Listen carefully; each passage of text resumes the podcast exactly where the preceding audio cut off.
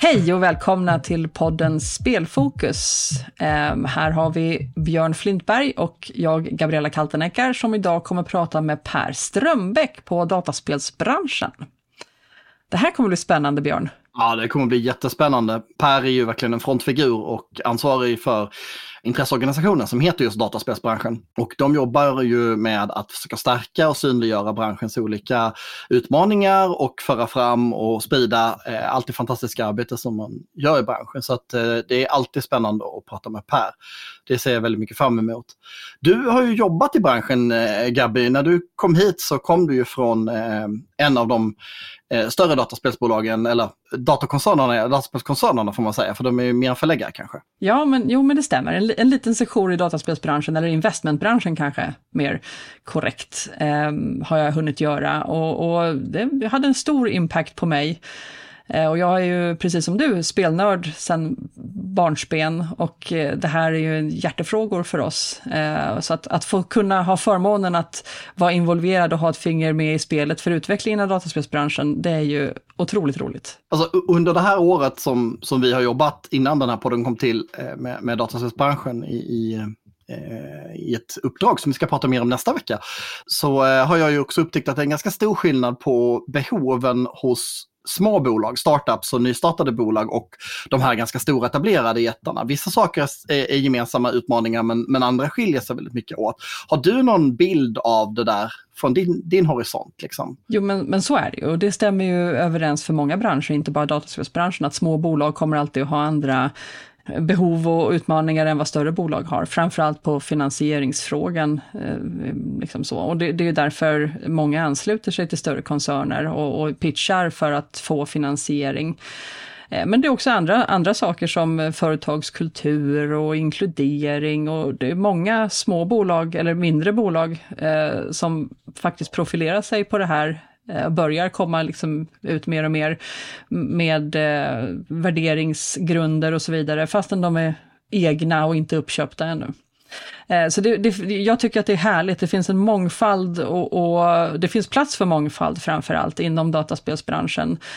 Eh, och det är roligt att se att det, det, finns fler sätt än ett att driva spelbolag på. Det gör det ju verkligen. Jag har ju haft dialog med, med eh, individer som som egentligen gör spel framförallt från ett kulturellt perspektiv, nästan som ett konstnärligt uttryck, eh, där, spelen blir någon form av konstform nästan och att själva spelupplevelsen är en del i att uppleva den här konstformen. Och det är ju en ganska intressant take om man jämför de här renodlat kommersiella aktörerna. Så att spel är spännande på så sätt att det både är en näringsverksamhet men det är också en, en kulturform och en, eh, någonting som väldigt många håller på med. Det är ju, över hälften av alla svenskar spelar ju spel regelbundet. Och går man ner till folk som är 30-35 eh, och yngre så är det ju över 70 procent enligt Svenskarna och internet. Och jag tror att det finns en otappad marknad fortfarande. Och det, jag, jag personligen gillar ju kulturbärare eh, lite mer än de här kommersiellt gångbara alla, alla balla vapenspel.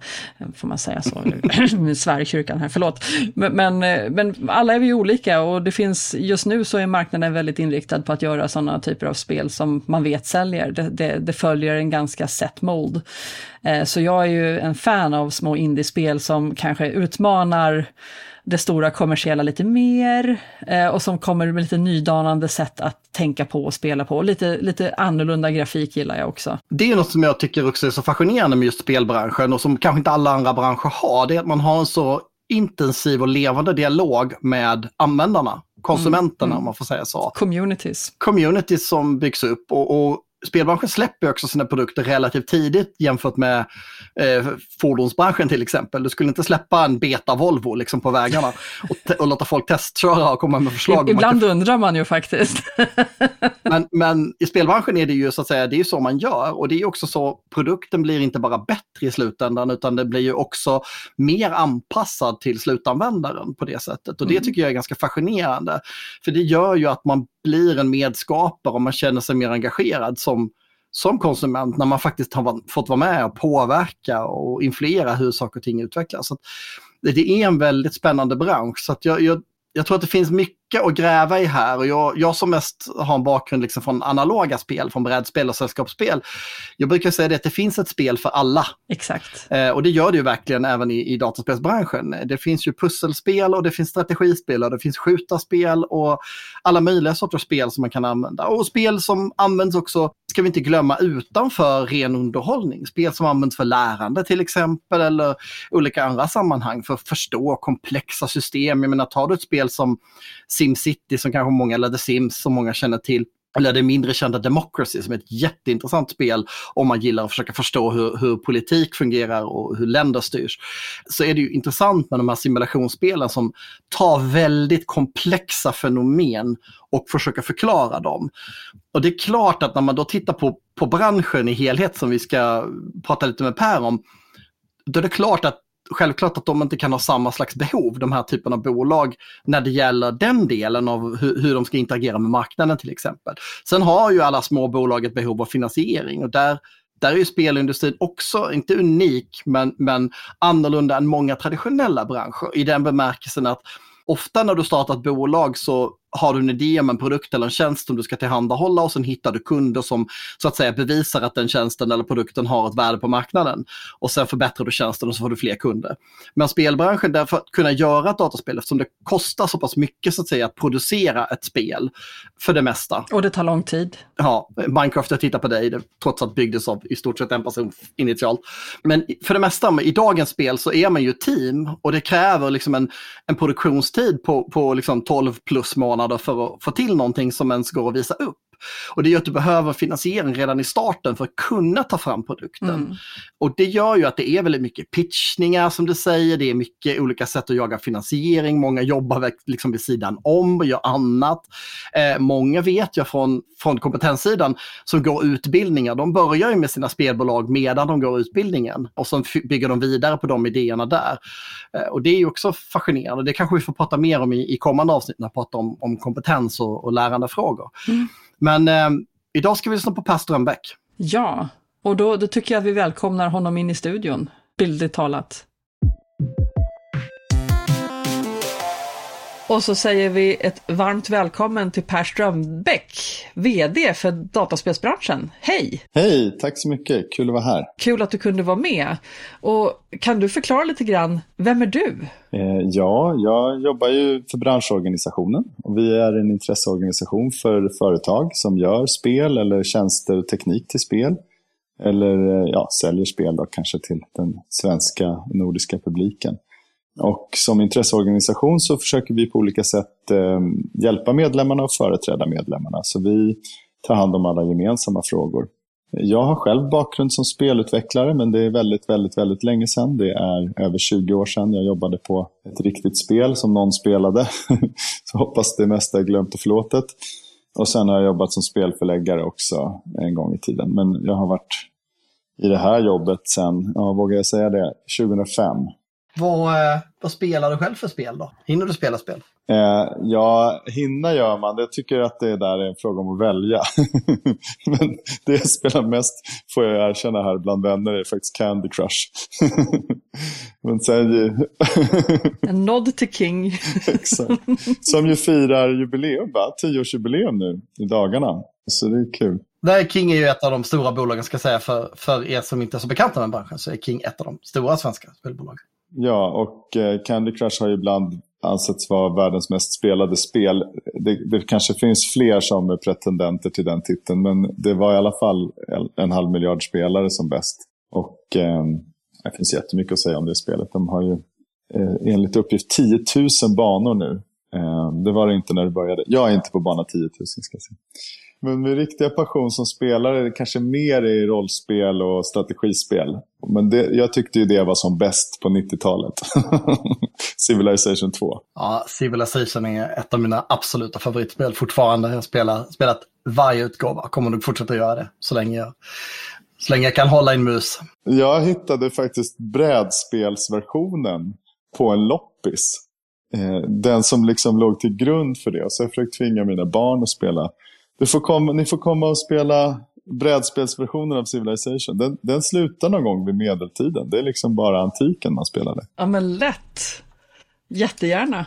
Vi, vi båda två tror jag, Björn, är ju väldiga brädspels och rollspelsentusiaster. Jo, men så är det Vi pratade om det precis nu innan avsnittet här med, jag spelar ju Rollmaster. Okej, okay, coolt. Ja. Var det den som var grunden som blev översatt till Drakar och Demoner på svenska? Nej, det var faktiskt RuneQuest som var det. Rollmaster är ju en kan man säga, mer avancerad version av det som heter MERP, Middle Earth Roleplaying, Sagan om ringen ah, okay. Coolt. rollspelet.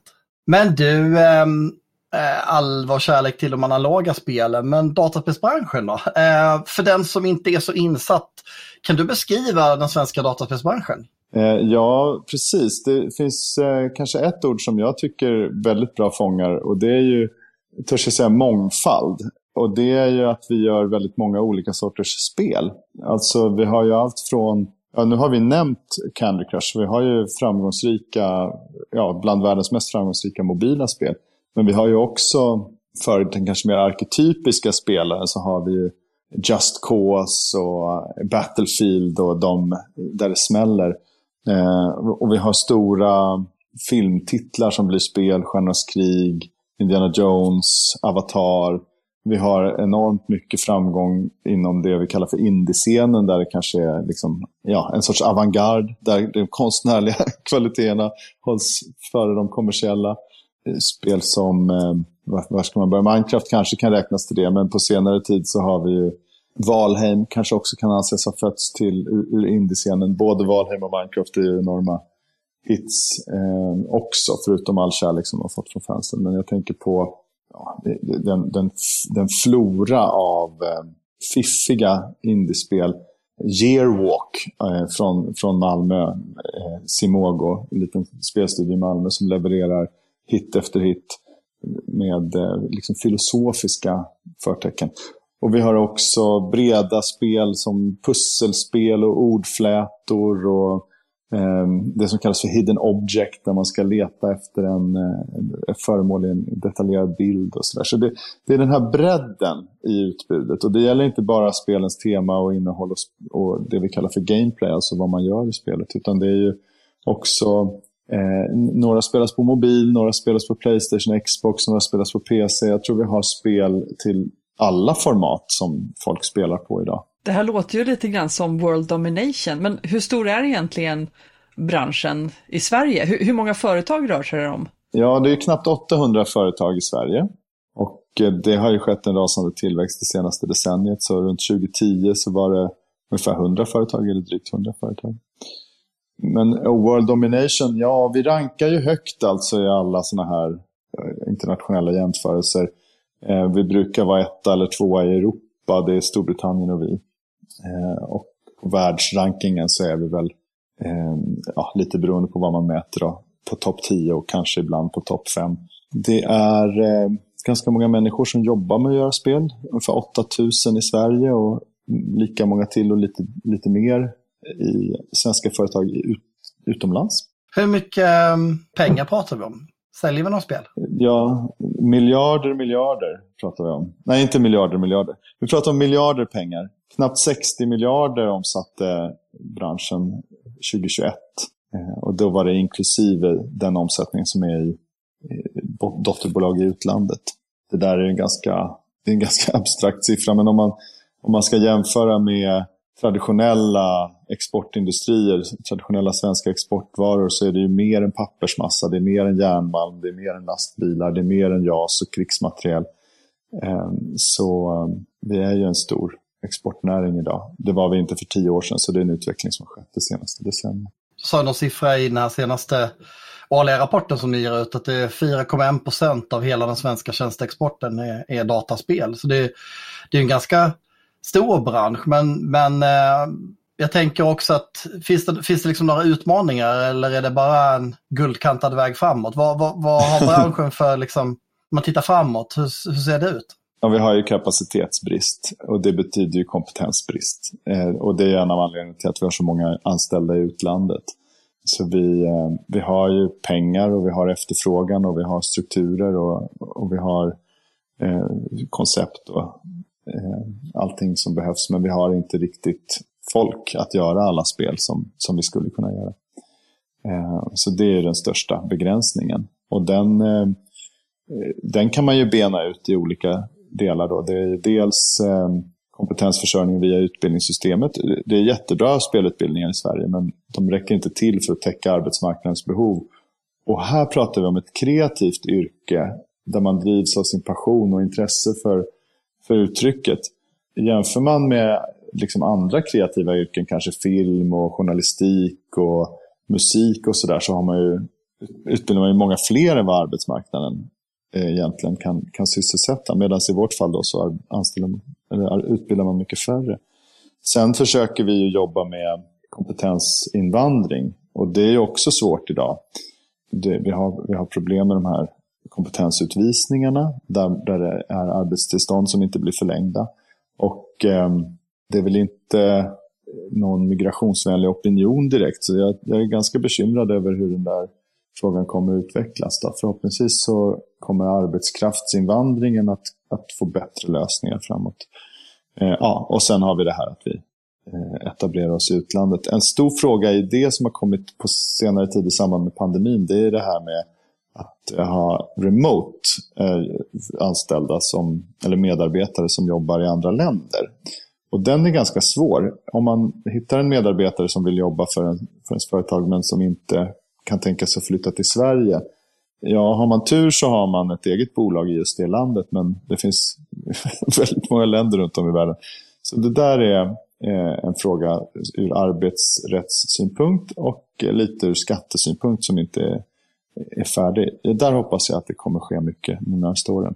Men så, ja, eh, det, det är vår största utmaning. Produktionskapacitet, kompetens. Men om man återgår bara till det här med att anställa i utlandet.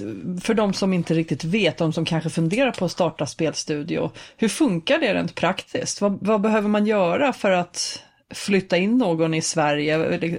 Jag antar att det finns ett stort intresse av i alla fall att flytta hit och jobba för svenska bolag. Eller om vi förutsätter att det finns ett stort intresse. Vad behöver man göra för att omlokalisera någon ur ett praktiskt, är det mycket byråkrati som går in i det för, för en liten firma då till exempel? Det, har man råd? Ja, precis. Det, det, kan ju, det är ju mycket byråkrati förstås och det kanske är lite oväntad byråkrati. Det här med arbetstid, alltså, om du är EU-medborgare så blir det lite enklare. Men det här med arbetstillstånd och sånt, det kan man ju förstå. Då ansöker man hos Migrationsverket och det finns konsulter som hjälper till med det.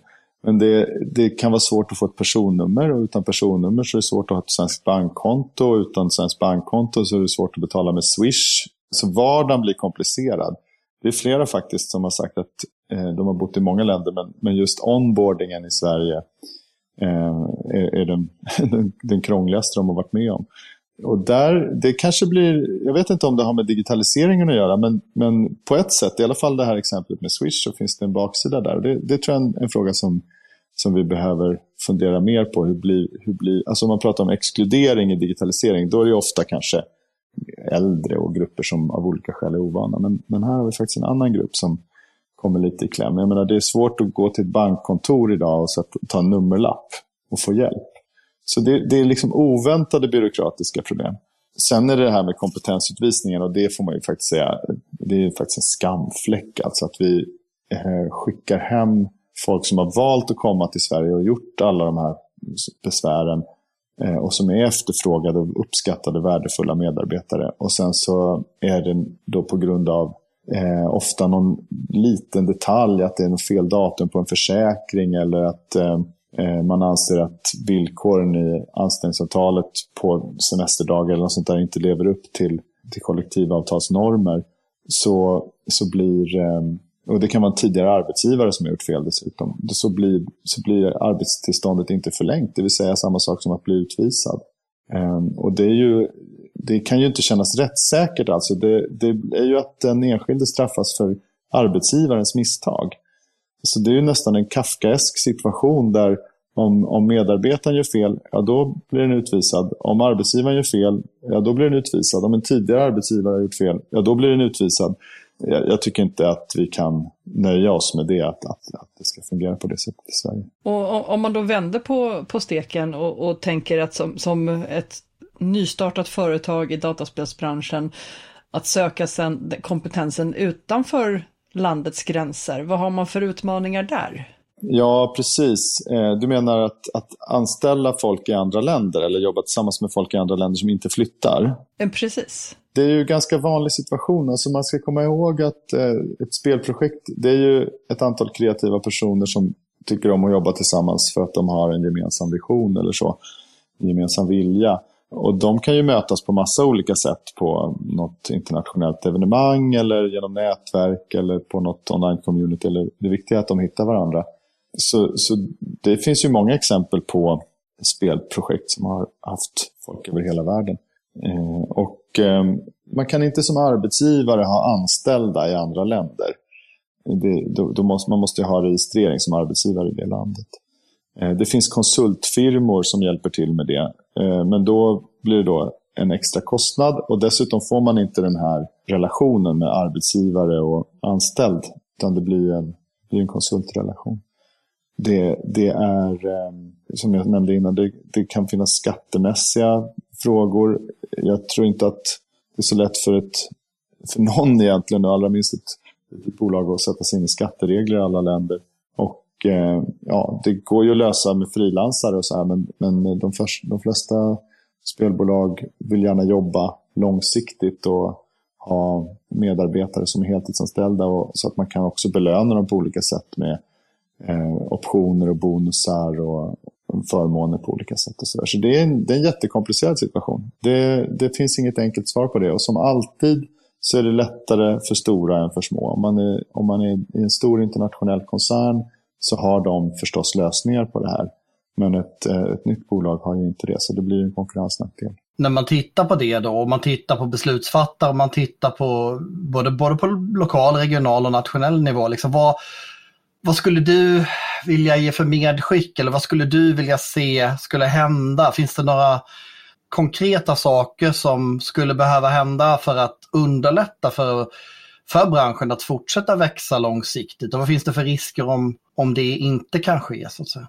Tack för den frågan. Ja, det, det, enklaste är ju att satsa mer pengar på yrkeshögskolan. Det har ju skett i flera omgångar, men, men det är ju den, den, den snabbaste och mest, ska vi säga, jag tror den är mest kostnadseffektiv inom utbildningssystemet.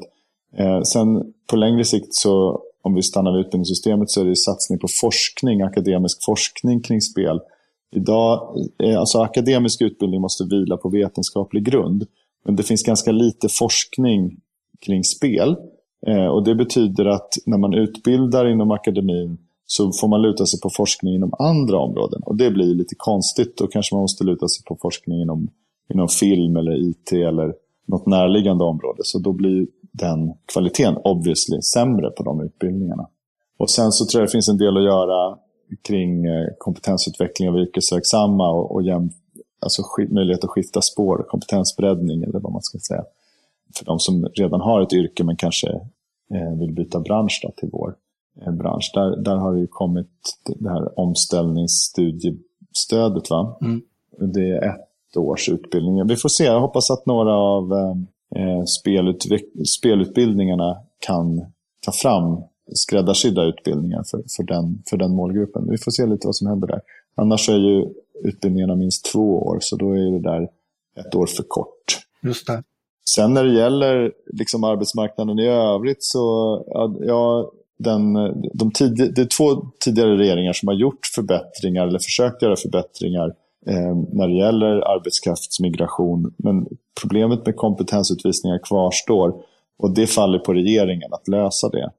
Så det måste ju prioriteras. Den här frågan om hur man ska anställa i andra länder där man inte själv har liksom registrerat sig som arbetsgivare den har inte jag riktigt något svar på. Jag hoppas att någon ska tycka den är intressant nog för att börja bena i. Det tror jag man behöver lösa i liksom internationella, eh, antingen handelsavtal eller genom Eh, OECD eller någon övergripande eh, internationell organisation.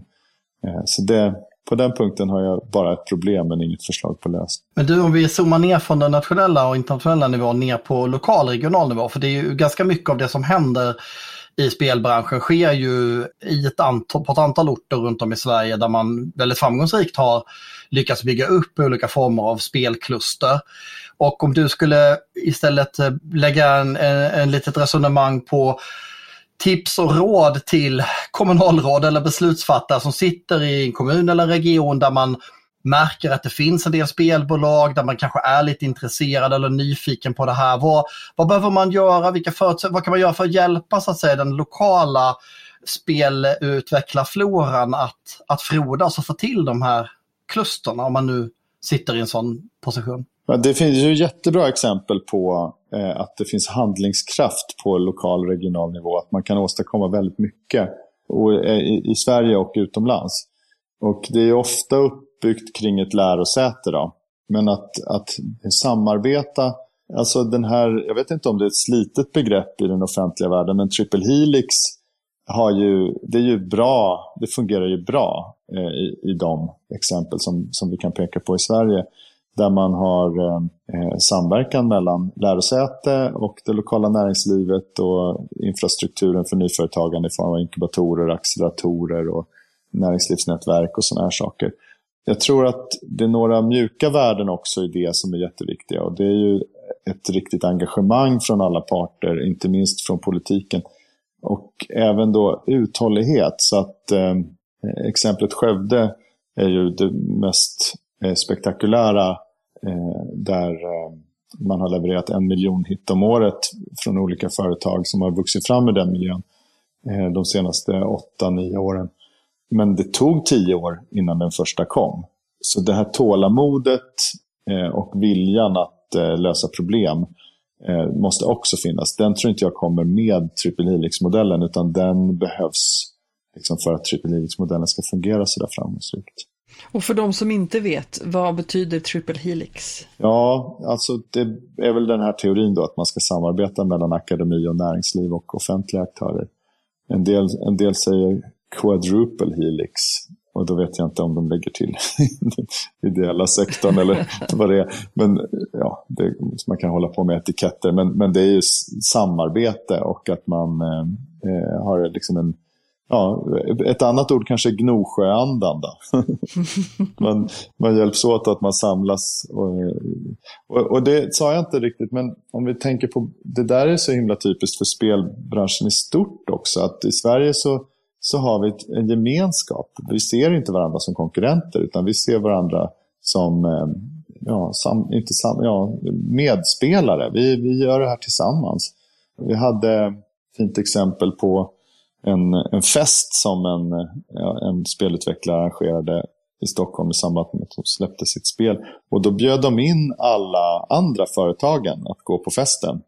Eh, och de som hade lokalen var liksom helt perplexa. Va, vad är det här? Varför bjuder ni in era konkurrenter? Så skulle det aldrig ske i, jag vet inte, bilbranschen. Volvo bjuder liksom inte in BMW på sin, på sin julfest. Men det gör vi. Och den där gemenskapen, det tror jag det är otroligt kraftfullt. Det var det vi pratade med Madeleine på Vinnova här i tidigare avsnitt. Eh, som just det här som du beskriver kallas för det nordiska guldet. Okej, okay, ja vad fint. Den här, den här tilliten och förtroendet vi har mellan människor i Norden. Som, som är en, en uh, vedertagen term internationellt. Vad kul. Ja. Det tycker jag är väldigt liksom, uppmuntrande. Ja, den var ny, tack. Den tar jag. Ja. ja.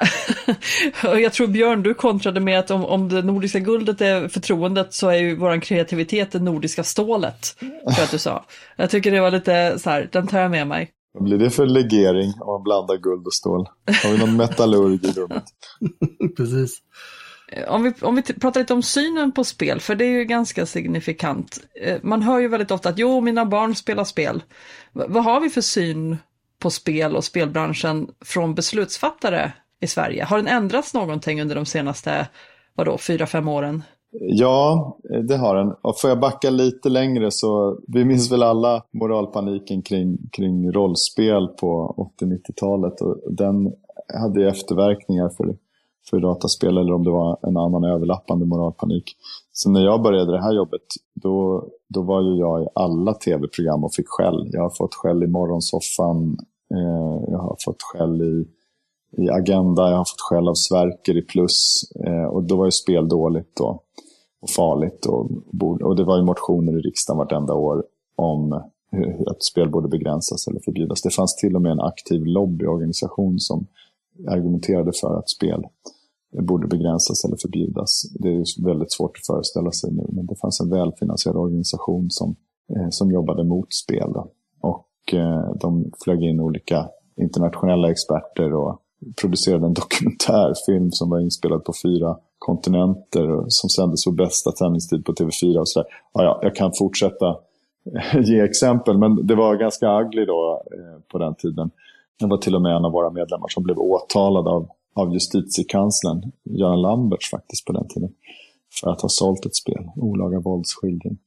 Eh, men det är en annan historia. Och, och, i dagsläget så är det ju på så sätt att jag hör svenska politiker skryta om eh, spelindustrins framgångar för sina utländska kollegor och till och med ta åt sig äran i något fall.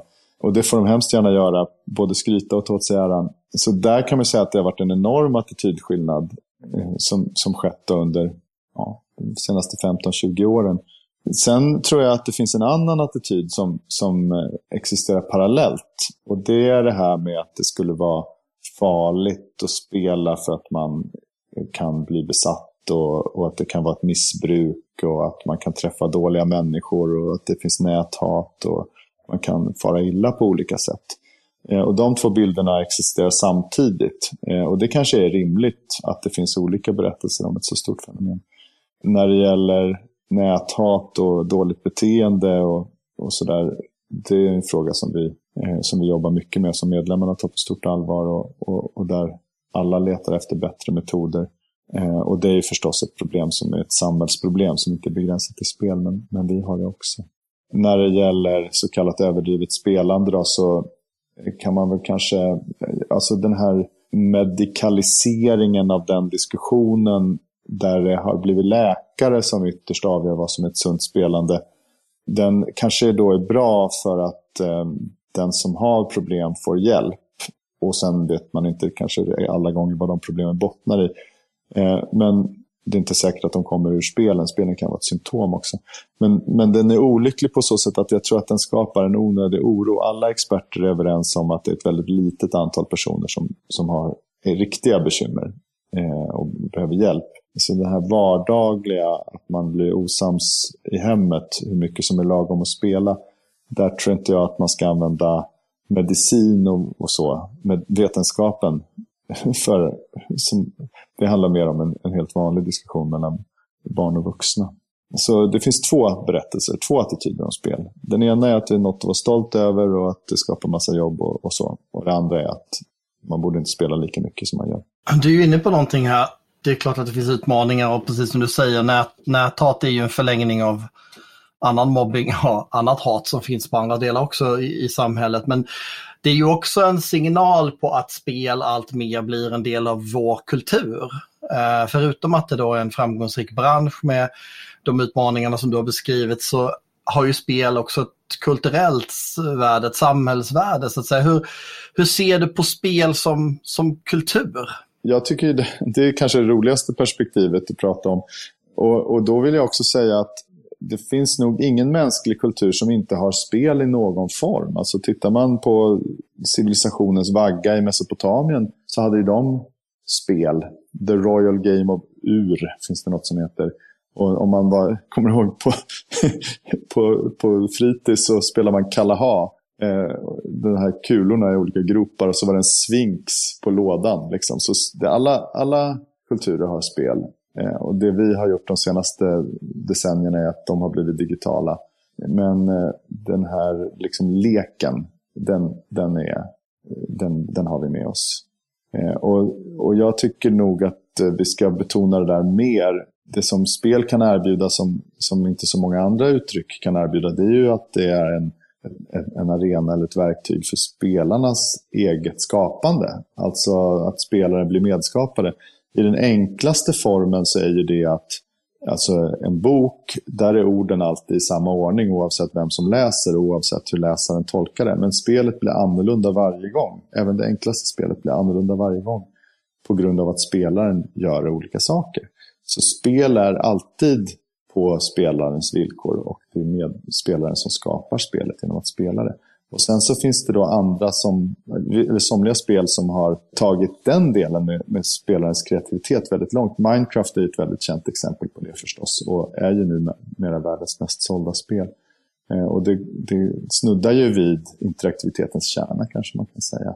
Eh, att ge verktyg till, till spelarna för deras eget skapande. Och jag är ganska, jag är ganska entusiastisk över det där perspektivet. För jag vill tro att vi har liksom börjat skrapa på ytan bara på vad det här med, med interaktivitet innebär som, som konstform och, och, kreativt uttryck. Jag tror att vi kan få se makalösa saker där framåt.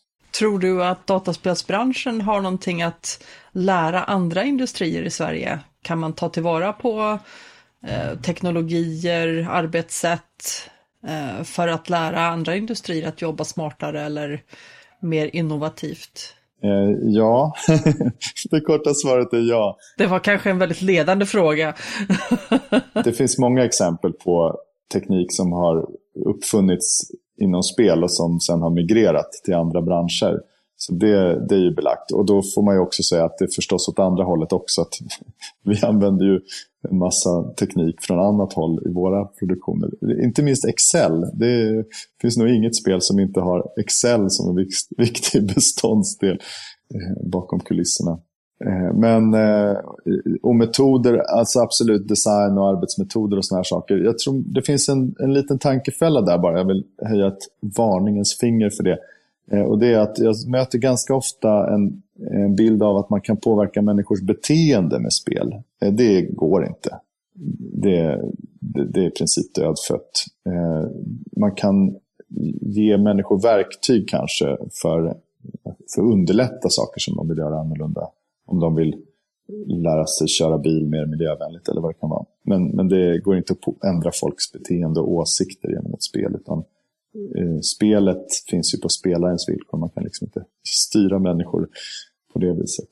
Men den, den attityden stöter jag på ganska ofta. Jag tycker den är lite granne till den här tanken att, att spelet är starkare än spelaren, att man kan bli eh, uppslukad och besatt och sådär. Men ja, det vi, vår erfarenhet är ju tvärtom, att spelarna tar spelen och gör om dem och bryter sönder dem och hittar sätt att spela dem som inte vi hade tänkt på. Var det svar på frågan eller var det mest svammel? Nej, men det, jag tycker vi är, vi är inne på ett intressant spår. Jag, jag, jag ser ju eh, ur personligt perspektiv ofta spel som kanske en motivation. Eh, ett, ett sätt att lära sig ett nytt sätt att bete sig, till exempel runt träning. Eh, nu har vi precis börjat köra en, en träningsapp som visar en virtuell sträcka som man går då, så att i mitt gäng så går vi naturligtvis då till Mordor med ringen. Eh, och för, för oss som är riktiga latmaskar som, som jag då, så är ju det, det och Pokémon Go är ju det enda sättet att få ut mig att promenera. Utöver att gå med min hund som är otroligt lat och inte går speciellt fort, så det är inte ett jättebra träningssätt. Men, men som spel som ett motiverande sätt att göra någonting tillsammans i grupp tycker jag är väldigt intressant. Ja, men det kan ju erbjuda en form för det. Men, men viljan att röra på sig kom ju antagligen innan. Och så var det ju kul att ni hittade den här Mordor-grejen. Det finns ett jätteroligt exempel. Kommer ni ihåg Wii, Nintendos eh, spelkonsol som var lätt tillgänglig? Man... Backhoppning och... Exakt, och tennis och bowling och allt möjligt. Och, och, och, det var så lätt så att på julafton så kopplade man in det där och sen kunde alla eh, generationer spela tillsammans. Det blev en succé. Sen så skulle de göra någonting åt att folk eh, rörde på sig för lite och då gjorde de något som heter Wii Fit. Om någon minns den, vad kan det vara, cirka 2007-2008. Det såg ut ungefär som en skateboard och så skulle man styra genom att stå på den där skateboarden. Och på så sätt skulle man då bränna kalorier, eh, var det tänkt, medan man, jag vet inte, surfade eller vad man gjorde. Men, men det, soffpotatisarna överlistade det där. Så om man sitter i soffan och lägger Wii Fit-brädan över låren och vickar på den så kan man styra utan att behöva bränna en massa kalorier. Det, jag tycker det är så talande exempel att spelarna, hur man än försöker lura spelarna att göra som man vill, så är det ändå spelarna som bestämmer till sist. Så man behöver en panel med latmaskar som liksom utvärderar varje spel för att liksom testa de här enkla den lågt hängande frukten är hur man ska få folk motiverade till att göra någonting annorlunda. Ja, jag tror att jag vill dra en annan slutsats av det. Det kommer alltid att finnas kryphål, eh, hur mycket man än testar och överlistar. Så motivationen måste komma någon annanstans ifrån. Sen kan eh, spelen kanske erbjuda en, en, form för det, som att vandra tillsammans till Mordor eller leta efter Pokémon. Härligt. På, på tal om härskaringar, om vi tittar på branschen eh, framåt då. När du målar upp där, vi har pratat om, om eh, att branschen är stor och den har en stor mångfald och många aspekter av den, både vad det gäller branschen i sig själv och dess potential med överföringar av teknologier och kunskaper och inte minst kanske det här du pratar om med kreativiteten och äh, interaktiviteten som finns i det som, som ju är en så att säga mjuk kompetens kanske. Men sammantaget så, så känns det ju som att spel har en väldigt stor roll att fylla framåt. Om du, om du tittar på, på branschen och på branschföretagen framåt 5-10 år, vad, vad tror du att, att spelbranschen kan komma att betyda för Sverige framåt om, om man gör rätt så att säga. Om alla förutsättningarna finns. Mm, ja men precis så. Eh, det, vi har ju ödet i våra egna händer och vi har ju de här förutsättningarna med att vi är i världstopp på en, en global marknad som växer. Och, och, ja, vi har ingen annan att skylla på om vi, om vi inte fortsätter den positiva utvecklingen. Så jag tror att, jag tror att, vi, kan, att vi kan fortsätta att ha en god utveckling eh, och att fortsätta att vara en, en, stor och viktig del av, Sveriges ekonomi och, och arbetsmarknad och, och, och, växande. Och det, gäller, det är en sak som man kan komma ihåg också är att det är ganska hållbar ekonomisk utveckling. Alltså vi använder inte särskilt mycket av planetens resurser eh, Eh, när vi, eftersom vi skapar eh, immateriellt och, och, digitalt innehåll. Då. Så, eh, det är klart att vi jobbar också med att begränsa vårt avtryck och elförbrukning och sådana saker. Men, men det är väldigt lite råvaror och väldigt lite energi i förhållande till ekonomin. Då. Så jag tror att vi har ett förslag på hur hållbar ekonomisk, eller jag vill påstå att vi har ett förslag på hur hållbar ekonomisk utveckling kan se ut med tjänstifiering, digitalisering, eh, immateriellt värdeskapande som, som vi står för. Och den utvecklingen har liksom ingen, det finns ingen bortre gräns för det. Det kanske är var tredje människa på jorden som spelar digitala spel idag. Så det finns ju många fler som, som återstår att, att inlämna i publiken det finns, ingen, det finns inget tak på, förutom de begränsningar vi själva sätter. Och eh, sen bör jag bara säga det också, det, vi har eh, pratat mycket om pengar och jobb och det är ju sant, men det viktigaste värdet som spel bidrar med, det är ju, det är ju någonting annat. Det är ju mening, alltså något, att det är viktigt och kul att spela gemenskap, spela tillsammans med andra. Så glädje och gemenskap är ju det som är de förutsättningar, de verkliga värdena som som alla de här pengarna och jobben och det som vi pratar om är en konsekvens. Jättefin eh, sluttanke, gemenskap.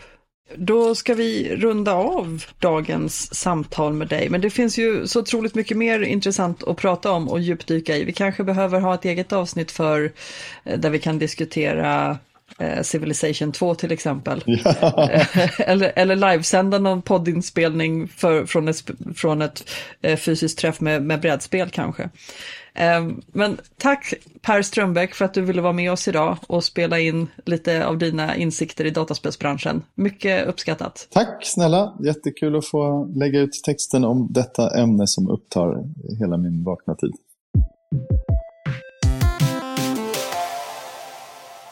Ja men Björn, det här var ju otroligt spännande. Alltså det är ett nöje, det är ett nöje att lyssna på Per, det får jag säga. Vad är dina reflektioner från det här? Har vi kanske ett, ett, eventuellt spelmöte också i vår framtid? Det ska ju bli kul. Ja, eller hur? Ja, men det är jättekul. Det, det märks ju att, att eh, Per har jobbat väldigt länge med de här frågorna och att han är superengagerad i inte bara företagen och branschen utan i spel överlag. Och det, det tror jag eh, hjälper väldigt mycket i den sortens jobb han har. Eh, och han pratar om, om många saker eh, med, med stor kunnighet. Eh, jag tycker det är intressant att se att den svenska spelbranschen har så stor mångfald. Att vi har mobilspel, vi har indiespel, vi har AAA-titlar, vi har strategispel och så vidare. Vi, har en väldigt stor bredd på vad Sverige har att erbjuda. Och det är kanske symptomatiskt. Vi är en ganska entreprenöriell nation. och brukar rankas väldigt högt som entreprenöriella. Det ligger lite i våra kultur, vårt kulturella arv tror jag. Och det är jätteintressant. Vi tittar på spel som kulturbärare eller som kulturuttryck det är någonting vi inte har pratat så himla mycket om. Men, men det, du och jag har pratat om det liksom utanför podden. Du hade jätteintressanta reflektioner där. Ja men alltså, det är ju lätt att tänka sig ett spel bara är nöje. Och så ska man tänka längre än så så bör man prata om spelens nytta som lärande eller i något annat sammanhang. Men det finns en nytta även i nöje. Och det kanske man glömmer bort ibland. Och det, det, det får jag ofta när jag pratar om spel, så här, men det är kul, det håller mina barn på med. Men det är ju inte på riktigt. Klipp det, jag skaffade ett jobb, den känslan liksom. Men faktum är att tittar du på forskningen, på tung forskning inom neurologi och hur hjärnan fungerar och på sociologin, tittar du på den klassiska Maslows behovspyramid, liksom, eh, där du behöver mat och vatten i första hand och så behöver du massa annat. Och längst upp i den pyramiden finns det ju någon slags självförverkligande och, och glädje och lycka i livet. Att få det är centralt för oss som människor. Eh, och det bekräftar även neurologisk forskning, alltså medicinsk forskning på hur hjärnan fungerar. Att vi mår inte bra om vi inte får vara lyckliga och få glädje då och då. Och där är ju spel en sån faktor som kan skapa mycket glädje och där du också skapar det själv till skillnad från att läsa en bok där du bara är en mottagare så är ju spelen alltid interaktiva. Du agerar alltid tillsammans med vare sig du spelar själv eller med någon annan. Och spelar du med andra har du ju dessutom hela den sociala aspekten. Så att det finns en stor nytta i att också spela spel och ha lite kul. Och det är faktiskt bra i sig själv, för du mår bättre av att ha roligt. Det, det är inte svårare än så. Så att det finns en nytta i det också. Och sen som kulturfenomen, jag menar jag kommer ju från föreningssektorn från början. Jag började liksom engagera mig i Sverok, då, som spelförbundet för väldigt mycket analoga spel, som sen även blev en del digitala spel. Med, med föreningsliv och ungdomar som startar föreningar och DreamHack som är den stora datorspelsfestivalen, största i Sverige, den är också liksom börjat med ett gäng ungdomar som satt in i en kafeteria på en skola liksom och hijackade eh, telefonjack och ringde upp BBS och sådana här grejer från början. Så att det här har ju växt fram som en gräsrotsrörelse och engagerar väldigt många människor, framförallt väldigt många unga människor. Det är ju en ungdomskultur från början som har växt upp och som har liksom rötterna både i den analoga spelbranschen men också i den tidiga databranschen, när datorerna började komma, hemdatorn började komma. Commodore 64 och Amigan och så vidare. Så att det här har ju varit en del av svensk kultur ganska länge och nu ser man ju i Svenskan internet, som är en årlig rapport som Internetstiftelsen ger ut, så ser man att, att mer än hälften av svenskarna spelar spel idag. Och går du ner till de som är födda på 90-talet och senare så är det 70 procent. Så att det, det, är ju ett fenomen som är en del av vårt sätt att konsumera kultur. Och som kanske mm. har ett större genomslag än många, många andra kulturformer som rankas som finare eller högre eller liksom mer värda som, som kulturbärare. Där kan jag bli, jag kan bli lite förvånad över att det även där då inte riktigt har tagits in i kulturens finrum så att säga. Men det, jag ser ju ofta, och jag hör många andra också, som, som upplever spel som en konstform. Alltså rent visuellt, grafisk design. Eh, som är väldigt liksom innovativt sätt att utveckla konst på. Eh, och det, jag, jag, personligen förlorar mig ju väldigt ofta i den grafiska delen av spel, där jag liksom kan njuta av den visuella upplevelsen. Musik, eh, bild eh, och sen har man liksom också upplevelsen på det. Så att, eh, som konstform betraktat är det ju liksom en unik sammansättning än att gå på ett museum och titta på en tavla, vilket också är en fin och, och bra upplevelse. Men där man är mer åskådare istället för deltagare. Ja, men det är samma sak igen där, du är konsument och inte, inte deltagare. Det är rätt intressant att nämna musik. Det finns faktiskt, eh, eh Kungliga Musikhögskolan är ju, är ju eh, eh, en av de aktörerna som, som jag har pratat med i, i det här arbetet vi gjort under året. Och där finns ju forskare som, som jobbar just med interaktivitet och musik. Inte bara för spel då, men överlag att utveckla liksom, musik som konst och kulturform genom interaktiva medier på olika sätt. Och det är ju bara nya uttryckssätt på samma sätt som, som Photoshop gav eh, illustratörer ett nytt sätt att uttrycka sig när det kom. Liksom. Och det, jag tycker det är spännande att se den utvecklingen som, som ändå har funnits. Tror du att det finns en rädsla i, det, i, i finrummet då, eh, dit vi inte riktigt är inbjudna till 100% än, eh, för att det här ska ta över andra konstformer eller kulturuttryck? Nej, men jag, jag vet inte, alltså jag, jag tror att det är samma problem som man kanske har ser i spelbranschen i stort när det gäller att få tag i forskningsmedel eller få tag i medel för utveckling. Alltså att, att det handlar om kunskap och legitimitet. Alltså att man, man ser bransch bara som, som förströelse med spel. Och, och det, jag tror det, det är ett synsätt som man måste jobba på att förändra. Eh, jag menar, tar du hårdrocken eller, eller rockmusiken i ett bredare perspektiv när den kom, från Beatles och framåt, liksom, så hade ju den samma sak. Det här är farligt, det här är jobbigt. Sen kom nästa fas, det är inte till någon särskild nytta. Och idag är det en jätteindustri. Tar du filmindustrin, liksom, så har ju den länge varit en sån där bransch där vi med lätthet kan nämna eh, skickliga regissörer eller producenter som har gjort stora filmer. Vi, men Hans Zimmer vet vi, han har gjort bra filmmusik och sådär.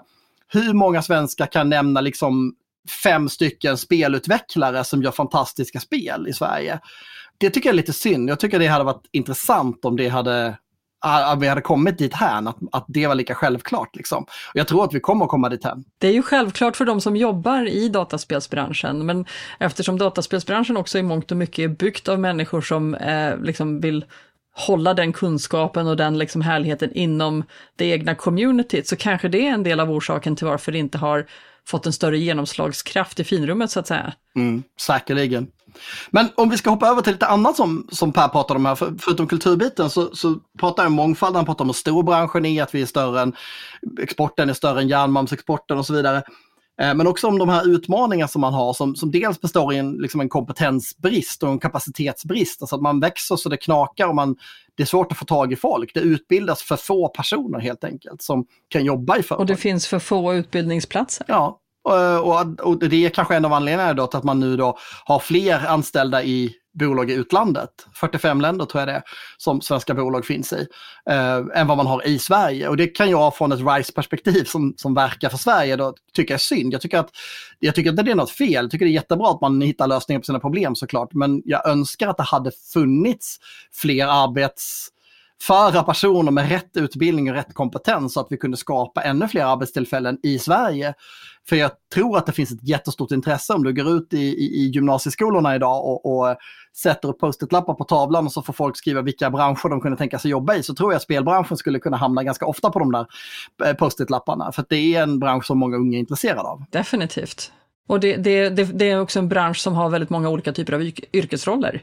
Det finns eh, kreativt spektrum, det finns liksom mer operativt spektrum, det, det finns eh, många olika typer av arbetsroller. Så att det, det är inte liksom eh, snävt. Nej, verkligen inte. Jag tycker det är bra att du tar upp det också för att man tänker kanske lite lätt att ja, men spel, jag kan inte programmera, för spelprogrammerare det är bara en typ av roll. Alltså nu pratar vi, vi pratar skribenter som folk söker, jag såg någon annons här för en world builder vars enda jobb är att skapa liksom nya världar som ska skapa bättre känsla när man spelar spelet.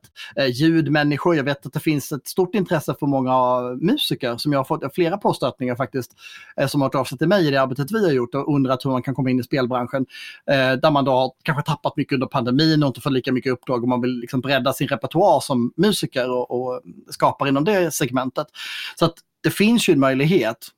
Sen, sen kan jag bli lite beklämd och jag delar nog Pers bekymrade reflektioner som, som han ger uttryck för här kring liksom det systemiska med arbetskraftsinvandringen och exporten och etableringsproblemen och alla de här bitarna.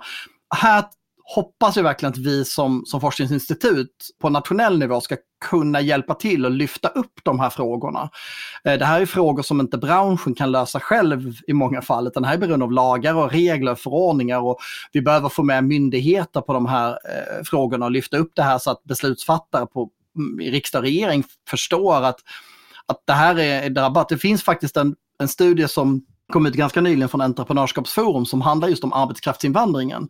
Det är inte ett unikt problem för spelbranschen utan det här är ett generellt problem. Att det är i, i så att säga i eftermälet av den stora flyktingvågen från 2015 och framåt eh, i, i samband med, med kriget mot IS så, så kom det hit väldigt mycket folk och, och talibanerna då och, och, människor från Afghanistan. Och, så har man ju snävat åt och stramat åt ganska rejält eh, invandringsregelverket, inklusive arbetskraftsinvandringen. Och gjort om det på ett sätt som är gjort för ett visst syfte så att säga för att se till att, att Sverige kan hantera den mängd människor som kommer, att, att försöka liksom hitta eh, ett lämpligt flöde. Och det, det får ju politikerna besluta om såklart eh, bäst de vill, men problemet är när det också då drabbar så att säga folk som har en utbildning, som har ett arbete som, som, som arbetsgivaren vill ska komma hit. Per beskriver det i detalj här hur, hur utmaningarna kan se ut och jag tycker att här måste vi göra bättre för det här är direkt påverkande på Sveriges konkurrenskraft. Sverige har, eh, har rykte om sig att vara svårt och besvärligt för att, att, att komma och jobba i. Byråkratiskt.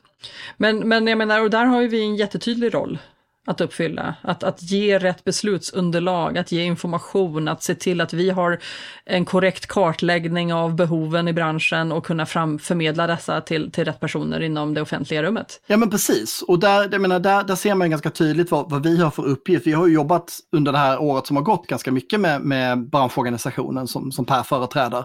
Och det kommer vi behöva göra framåt, för att menar, våra, vårt jobb är ju att, att uh, stärka konkurrenskraften i olika svenska branscher och, och då måste vi förstå vad branschen behöver. Så det är, det är självklart att det är viktigt för oss att, att ligga väldigt nära och jobba väldigt tätt med, med branschorganisationen. Uh, det gör vi i alla branscher. Man kan säga att uh, vi är symbiotiska varelser, vi på RISE. ja, men det är det. Men sen har vi då en annan roll. jag menar, där branschorganisationen jobbar för att direkt mot företagen och ska promota dem och verka för dem så jobbar ju vi så att säga för, för branschens helhet i, i dess kapacitet som att stärka Sverige. Um, och, och, där behöver ju vi då, som, som du var inne på här, där behöver vi kunna kliva in och ge rätt beslutsunderlag till beslutsfattare. Vi behöver kunna eh, kanske hjälpa till att få mer forskning på banan. Vi behöver kunna eh, prata med de myndigheter som har hand om hur många utbildningsplatser som det finns. Vi behöver kunna liksom synliggöra, förtydliga, förklara och genom våra piloter och experimentella forskningsstudier visa på och liksom lyfta fram de här utmaningarna på ett sätt som, som gör att vi också kan hjälpa till att hitta lösningar på dem. Och jag menar, ett steg att börja med är ju kanske att reda ut terminologin runt spel, olika typer av spel. Ja, verkligen. Eh, så att, vi, så att vi kan avgöra att vi pratar om samma sak. Ja, men eller hur, för det är faktiskt ganska grundläggande. Eh, den tiden som jag inte ägnar åt spela på RISE ägnar jag ju kompetensförsörjning och livslångt lärande. Och där man, håller man just nu på med ett ganska stort arbete som, som har börjat slå igenom på, på alla fronter kring, kring just eh, hur man samverkar bättre mellan olika myndigheter, mellan olika organisationer och på olika nivåer. Och just det här med samverkan är ju otroligt viktigt och där pratar man mycket om terminologi. Ska vi ta avrunda där då för idag, säga hej till lyssnarna och så hoppas vi att vi får, eh, får höra av er igen. Ni får gärna eh, kontakta oss också naturligtvis. Det står kontaktinformation här i, i länkarna eh, under till där poddarna publiceras så att ni kan kontakta oss om ni har frågor ni vill ställa eller om det är ämnen vi vill ta upp. Eh, den här första säsongen så fokuserar vi ju ganska mycket just på liksom, branschen som helhet och olika aspekter och utmaningar som branschen står inför. Men vi hoppas ju få göra fler avsnitt längre fram så att inkom gärna med med eh, förslag och tankar och inspel till oss. Tack snälla för idag. Då hörs vi. Det gör vi. Hej! Ha det bra.